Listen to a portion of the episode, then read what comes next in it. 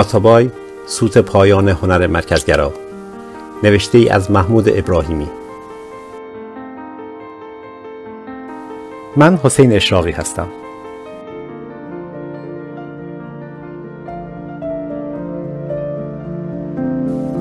دیشب آتابای را دیدم. فیلمی خوش ساخته به کارگردانی نیکی کریمی و نویسندگی هادی حجازی فر.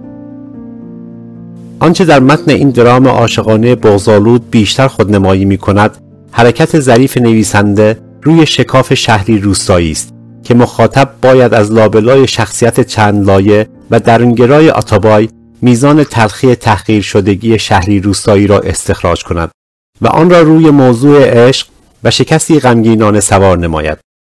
خب تا اینجا شاید کلیشه ای باشد اما در لحظه ای که انتظارش نمی رود مخاطب مجبور می شود دست یحیی را بگیرد و سری به گذشته آتابای، پرویز، خودش و فرخ لقا بزند. یحیی حادثه تلخ را روایت می کند آن هم در حالی که خودش ترجمان غم است. یحیی با بازی جواد عزتی داستان را عاطفی تر، درام را حزین تر و روایت را بغض‌آلودتر می کند. دختر شیرازی نیز گوشه دیگر از این درام سقیل بود که البته در بستر همان شکاف شهری روستایی پرورش یافت و دیالوگ پایانی آتابای با سیما چنان آزاردهنده و سنگین بود که می‌شد حد زد جنین چند روزه عشق آتابای و سیما انقریب صدق خواهد شد. یکی از ویژگی های برجسته فیلم در هم آمیختگی احساسی به غایت پیچیده کارکترهایی بود که اساسا در فیلم حضور نداشتند. هیچ تصویری از فرخ در فیلم مشاهده نمی شود و یا اساسا ردی از معشوقه و هم دانشگاهی آتابای در فیلم دیده نمی شود. اما جالب است که بار زیادی از داستان روی دوش کسانی است که در فیلم حضور ندارند. در گیرودار همین موضوعات باید به تفاوت‌های فرهنگی نامرئی و ظریف در فضای اتنیکی ایران نیز توجه داشت که در یک خط بسیار باریک دنبال می شود و مخاطب فعال و غیر منفعل می تواند صورتبندی های مد نظر نویسنده را میان دیالوگ های ساده بازیگران ردیابی کند. شاید در متن داستان بخشی از گزاره های فرهنگی به وضوح بیان نشده باشند اما در سکانس های ویژه به تفاوت های فرهنگی مبتنی بر ethnic ها پرداخت شده است اما بی تردید نقطه قوت فیلم زبان آن است ترکی و استقبال از این فیلم نشان داد که باید سوت پایان هنر مرکزگرا را بزنیم و اگر همه ایرانیان را بدون روتوش در بستر هنر روایت کنیم فاجعه رخ نخواهد داد من فیلم آتابای را با بغزی ممتد دیدم و سراسر فیلم همزمان به چند نکته اندیشیدم که چرا بیشترین آثار هنری ایران باید در آپارتمان های لاکچری تهران تولید شوند و کسی روایتی از آذربایجان، کردستان و بلوچستان و غیره نداشته باشد. نهایت اوج هنر برخی از کارگردانان استفاده از زیبایی های طبیعت شمال آن هم برای روایتی تهرانیزده شده است. اما آتابای نشان داد داستانی در یکی از روستاهای خوی می تواند روح مرده سینماهای کشور را در مسیحایی بدمد.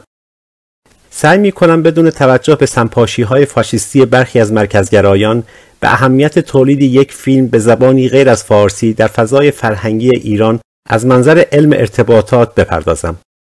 در علوم ارتباطات نظریه‌ای مطرح است با عنوان مارپیچ سکوت از الیزابت نوئل نئومان آلمانی. مارپیچ سکوت باور دارد که بر اساس قدرت رسانه‌ای می توان عقاید مخالف را معیوز ساخت و اجازه داد در گرداب سکوت به فراموشی سپرده شوند. آنچه که طی چند دهه اخیر در ایران با ظهور رسانه های قدرتمند گسترش یافته تلاش برای ایجاد یک جامعه تکساحتی تک زبانی و تک فرهنگی است. اما معلوس سیاستگزاران فرهنگی ایران همواره حوزه عمومی را در کشور نادیده انگاشتند.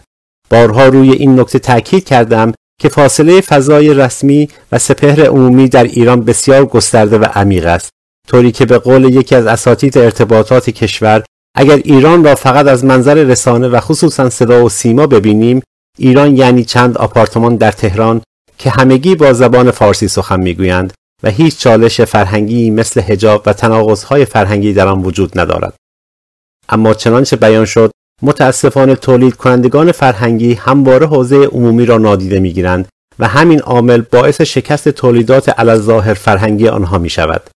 باید باور کنیم که به قول یورگن هابرماس سپهر عمومی میدانی است که در آن افراد برای مشارکت در گفتگوهای باز و علنی گرد هم میآیند و دیگر هیچ سانسور و ملاحظه ای در بیان عقاید وجود ندارد. و مهمتر از آن قش سپهر عمومی نیز در کنترل کردن و هم در مشروع سازی قدرت سیاسی که توسط سازمان دولتی اعمال می شود متجلی است. با منظور کردن نظریه مارپیچ سکوت و دخیل دانستن حوزه عمومی قطعا هر گونه تولید فرهنگی که فرهنگ ها را بدون روتوش بازتاب ندهد با شکست مواجه خواهد شد. در تولیدات فرهنگی که ترک روستایی آذربایجانی کرد کولبر کردستانی بلوچ زحمتکش بلوچستانی و غیره بازتابی نداشته باشند چگونه می‌توان دم از همصدایی زد؟